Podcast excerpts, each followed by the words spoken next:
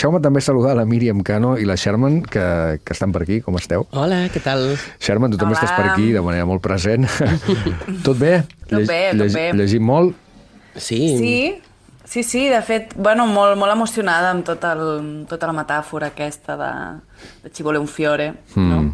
I de, de com és important també pels, pels nens la, la literatura, no? I aquestes històries que sovint els, els refugien en existències més aviat difícils. Vull dir que és, que és un dret. Per un descomptat. dret per ells. I una necessitat, clar que sí. Mm. Escolta'm, um, ara anem amb, amb tot el material, par- parlant de literatura, parlant de drets i parlant de llibres bonics. La Míriam ja veig que aquí en té mm. uns quants, alguns ens conviden fins i tot a posar-nos l'escafandra i anar sota el mar, no?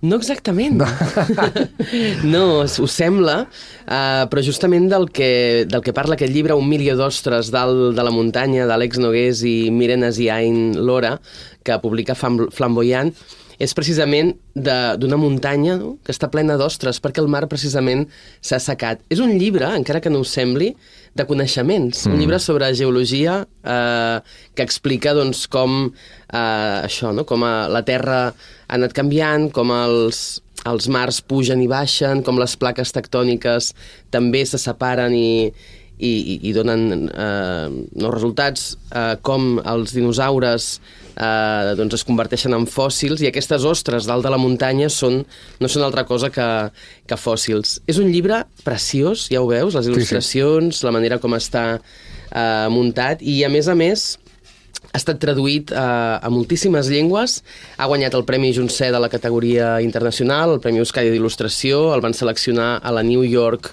uh, Public Library el 2021 entre la seva selecció uh, d'àlbums il·lustrats i la veritat és que uh, jo, bueno, me'l miraria i me'l miraria perquè realment no? a, cada, a cada il·lustració hi ha, hi ha detalls, tota la part de coneixements eh, crec que està molt ben, molt ben explicada. Jo mateixa he après coses uh -huh. eh, que no sabia sobre, sobre els fòssils i sobre la geologia i, i a més a més és que és un, és, és un gust no? eh, aquestes il·lustracions no? de, de, la, de la Miren Asiain Uh, jo crec que ben bé mereixien a tots aquests premis i està sent un fenomen i a mi també una cosa que m'agrada molt de- d'aquest àlbum il·lustrat és que d'alguna manera trenca uh, la, la norma no? de, dels llibres de coneixements. No és un llibre de coneixements a l'ús, uh, sinó que està explicat doncs, en forma de conte, mm. d'àlbum d'àlbum gran i, i està tenint, uh, com us deia, uh, molt d'èxit. Sí, sí, a Itàlia també hi és, de fet el vaig veure, un milió di òstrica, està traduït, i, i en part, part del mèrit d'això que, que,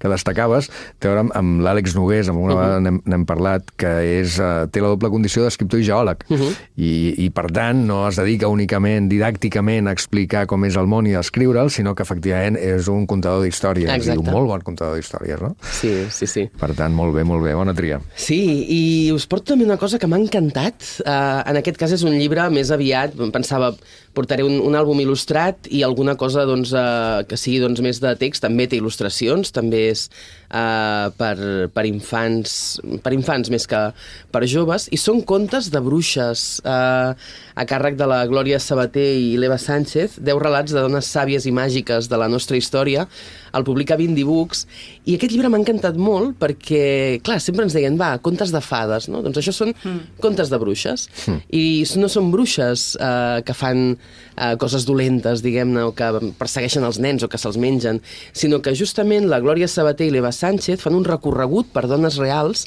de la nostra història que van ser perseguides, bàsicament, per estar lligades a la terra, per ser dones molt sàvies, mm. per fer de parteres, per no? per tota aquesta sèrie uh, de coses, i una mica aquests contes el que fan és evidenciar eh, la poca amplitud de mires que tenia la gent que les condemnava. No? A cada, eh, cada conte eh, explica com eh, hi havia algú amb prejudicis que intentava condemnar eh, aquestes dones i s'acaba amb un conte preciós que d'alguna manera també és una... mm, un, un símbol de l'herència d'aquestes dones a les nenes eh, d'avui dia. No? M'ha semblat un, un recull preciós, a més a més eh, documentat, eh, totes aquestes bruixes aquestes dones sàvies i remeieres van existir i a més a més eh, per si algú doncs, es queda amb més ganes de, de saber més coses sobre la vida real eh, està completat amb un context històric, amb un mapa d'on eh, passen aquests, aquests relats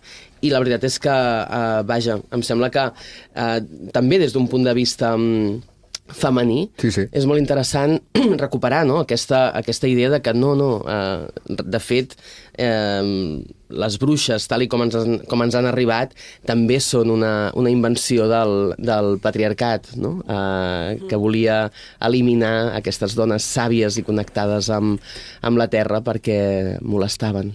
I feien por, efectivament. I, i bueno, molt... bàsicament són com el llop, no? Vull dir, els contes de... Exacte de fades sempre el, el, el malvat és un llop o una bruixa. Mm -hmm. Exacte. No? Els sí. dos pols. Sí, a més a més el, el, el llibre està mm, està endreçat amb, amb les estacions de l'any, per tant també segueix aquesta estructura cíclica de, de la Terra i hi ha no només bruixes de, de Catalunya, també hi ha una referència, per exemple, a les bruixes de Zugarramurdi, que van ser uh, l'últim gran intent de la Inquisició per, a, per eliminar uh, les bruixes o, o aquestes dones en aquell procés tan, tan salvatge a Navarra i, i la veritat és que és un llibre que recomano moltíssim, tant per, uh, no? per, per adults com per, per infants, perquè uh, jo n'he pres també uh, moltes coses. Que bé. Doncs gràcies per portar-lo també, aquestes bruixes, eh, que sovint és una paraula, eh? Hauríem de, hauríem de repensar com fem servir les paraules, fins i tot des del folklore, per tant aquest és un llibre que ens convida a fer-ho. Sí.